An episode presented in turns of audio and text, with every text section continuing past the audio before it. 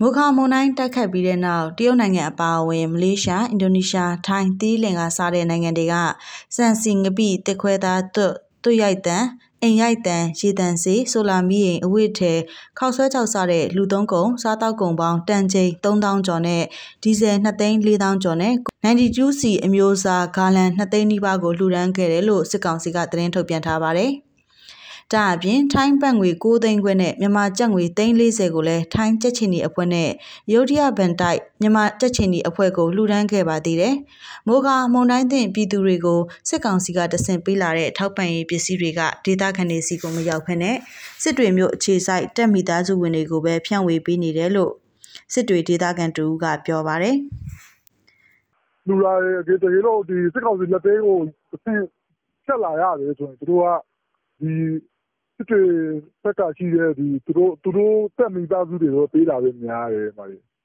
တွေ့ဘူးဒီဘက်မှာအဲလောက်ကြီး။တပ်မိသားစုကိုတပ်ကမိသားစုတွေကိုသူတို့ကပိုပြီးတိုးပြီးတော့အဲဒီဘက်ကိုကားတွေဆိုရင်လည်းတပတ်ကိုကားကအစီးကသူတို့လေးငါးရာလောက်ရှိတယ်သူတို့ဖြတ်တာလေ။ကျနော်တို့စစ်တွေရန်ကုန်ကားလမ်းပေါ်ကဖြတ်ပြီးတော့သွားတာ။အဲဒါတွေအကုန်လုံးကသူတို့စစ်တပ်ထဲကိုရောက်တာပဲအကုန်လုံးက။တချို့ပစ္စည်းတွေဆိုရင်လည်းဒီ ပုံနာချင်းတို့ဘက်မှာတော့သိမကြားဘူးပေါ့နော်ဒီစစ်တွေနေသေးတာဖက်တွေတော့တော်တော်များသူတို့တော်တယ်ဗျစစ်ကောင်စီကပြန်လဲဖြန့်ဝေရမှာတော့မိုးကာစာစံစီကျုပ်အနေငယ်ကိုပဲပြန်လဲဖြန့်ဝေတာရှိပြီးအကူအညီများရှိသေးတဲ့မုံတိုင်းတင်ပြည်သူအများအပြားရှိနေသေးတယ်လို့ရခိုင်ပြည်နယ်အခြေစိုက်လူမှုရေးအဖွဲ့အစည်းတွေကပြောဆိုနေကြပါတယ်ပြည်သူတွေကိုဒီတာပေါ်လီပေးတာကလူကြီးကျန်ဆိုတဲ့ပြည်သူတွေပေးနိုင်တာပေါ့နော် အဲ့တော့အဓိကအဲ့ဒီရဲ့ဖြစ်ဖြစ်တွေကိုရောက်မှာကခုနပြောတဲ့ဘာသာရေးအဆောက်အဦတွေကိုရောက်မယ်နောက်အစိုးရအဆောက်အဦတွေပေါ့ပညာရေးဌာနကျန်းမာရေးဌာနတို့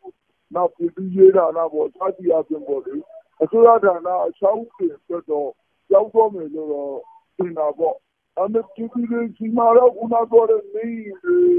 ဘာတွေရောက်နေဆိုတာကတော့မကြားသေးဘူးဒါမှမဟုတ်လည်းသူတို့ ဆိုရဆိုတဲ့ပုံစံကတော့ဟိုကြမ်းကြတာပေါ့ရှင်းရှင်းမရောက်နိုင်ဘူးသူတို့စီမံခန့်ခွဲမှုတွေလုံးမတူတော့ဘူးပြေတော့ပြေမယ်ဆိုတဲ့အမျိုးတွေဖြစ်နိုင်တာပေါ့နော်ဒါကကျွန်တော်ရဲ့အမြင်ပေါ့ဟုတ်ကဲ့ သဘာဝဘေးဒဏ်အပေါ်မှာဆီယနာရှင်အဆက်ဆက်ရဲ့တုံ့ပြန်ဆောင်ရွက်ပုံနဲ့နှောင့်နှေးကြံ့ကြာမှုတွေကြောင့်ပြည်သူတွေပုံမှုအခက်တွေ့နေတာပါ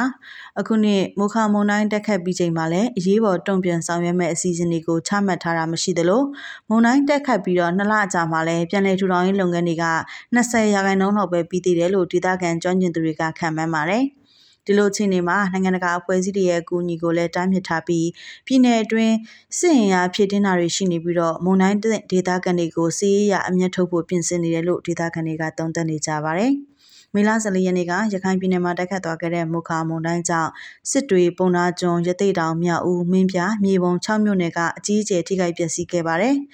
စစ်ကောင်စီကအဲ့ဒီမြို့နယ်တွေအပါအဝင်မြို့နယ်ပေါင်း18မြို့နယ်ကိုတဘာဝဘေးရန်ရဲ့ကြာရောက်တဲ့ဒေသဖြစ်တယ်လို့လာမယ့်စက်တင်ဘာလ14ရက်နေ့အထိကိုကြေညာထားတာဖြစ်ပါတယ်ကျွန်မတော့ခိုင်ပန်းလူပါ